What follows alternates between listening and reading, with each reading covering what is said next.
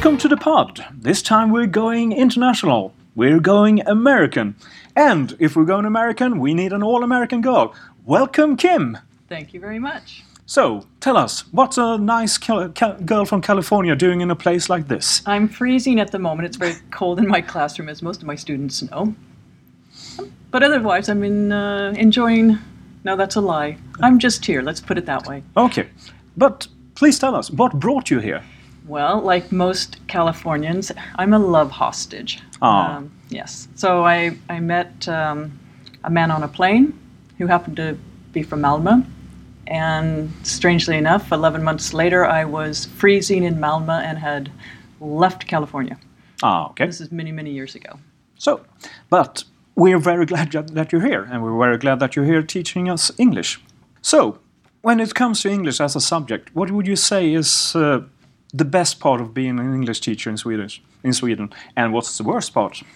Um, I think the best part is that because I value English as a tool, that I get to work with it every single day, and I love seeing students use English as a tool to communicate, so not like it's a subject.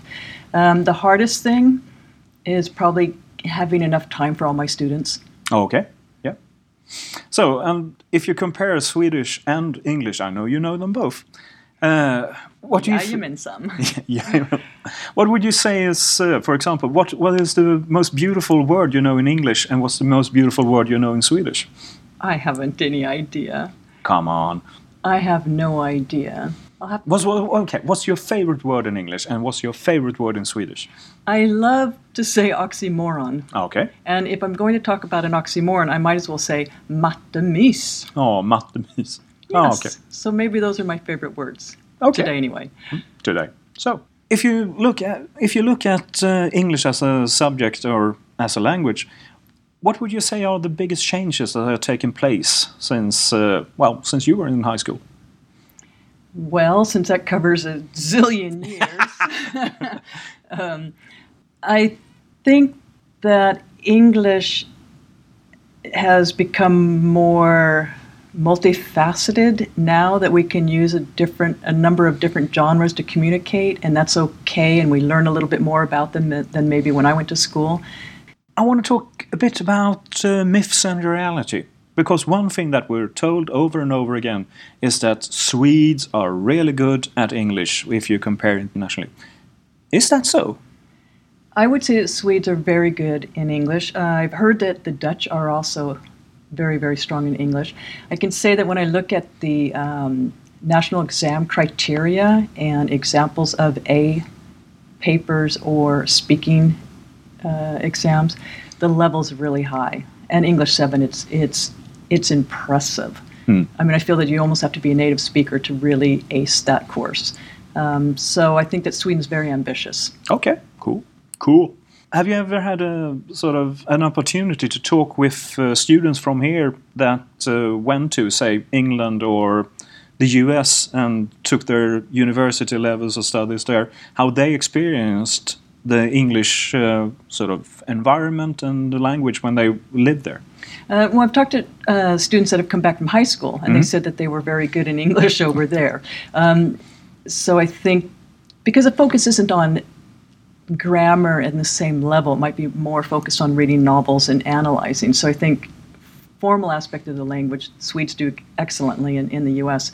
Um, I have a son studying there now, and he feels that English is fairly easy. Um, but I think they think he's Swedish, though they're impressed with his pronunciation. Okay. And he yeah. hasn't told them yet that he's half American. Ah, okay. Um, but he doesn't experience as, as it being difficult. Okay, but there is more to there's more to this than just the language. What would you say are the big cultural differences between Swedish thinking and American thinking, or habits or traditions?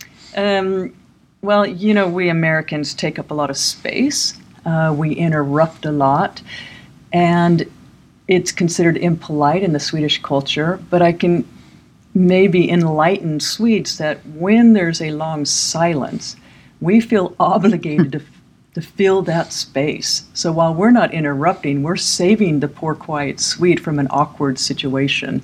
So here's where the cultural clash comes in that we feel, oh, this is terrible. I need to speak more because they're so quiet. And they're thinking, oh my gosh, I can't speak because they're speaking the whole time.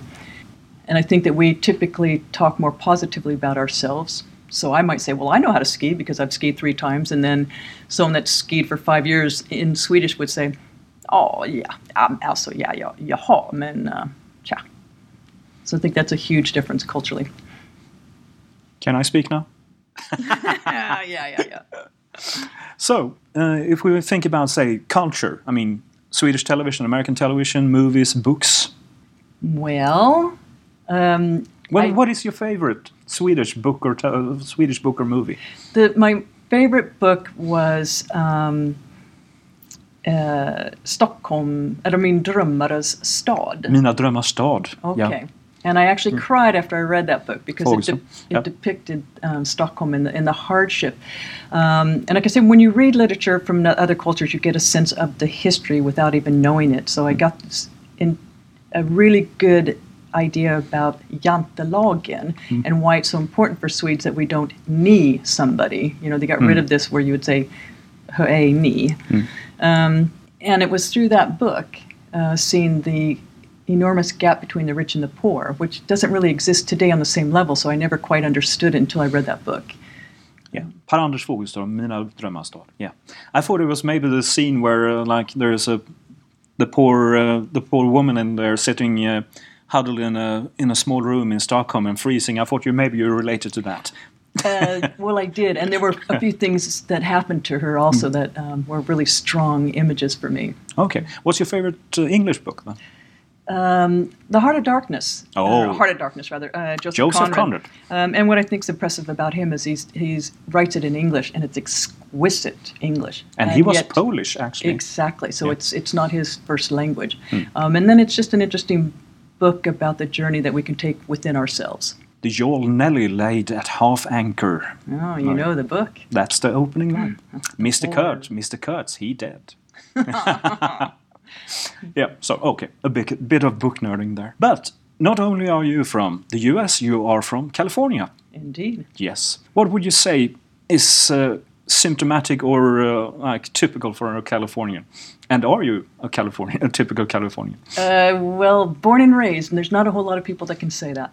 Um, I'd say that we're pretty laid back, um, and we like nice weather. Mm. Um, Yeah, like somebody, some Californian said, I'm sort of solar powered.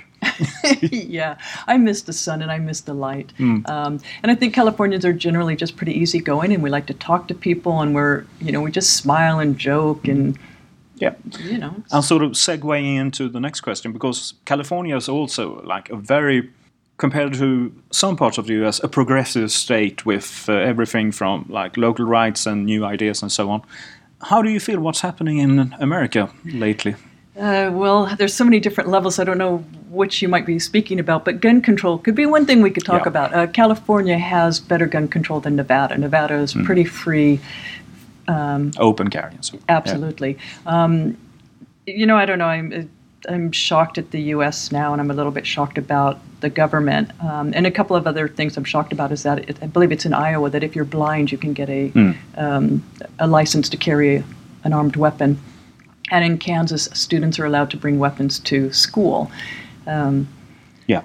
so there are some really nice things about Sweden. Yeah, uh, I hear what you're saying.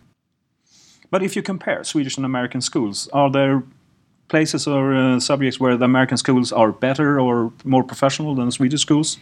You know, again, it's been, it was a really long time ago, and then you know, my kids are born and raised here, so it's hard for me to compare. Uh, I think in general that I'm not going to say the schools are more disciplined, but I think that we have a different level of hierarchy in terms of showing respect for teachers, and there's a little bit more.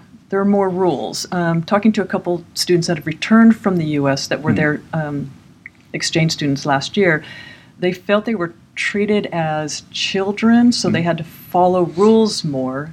Yeah, sometimes I see stuff like was sent home from school a couple of times a week because they didn't follow the dress code enough. Exactly. So it's a The, little, the shorts were too short and like yeah. now that wouldn't be a public school. That would Yeah, be a, okay. a private school. But um, I think we're more fixated on certain rules, and so I think the students here felt that they were it was a little bit childish. Um, so I think it's impressive that in the Swedish school system the students actually have more responsibility, um, and I feel that I can. I, I feel that they're all adults here, and I'm not sure I would feel that way if I were in a high school in the U.S. But Yeah. All adults here? Are you sure?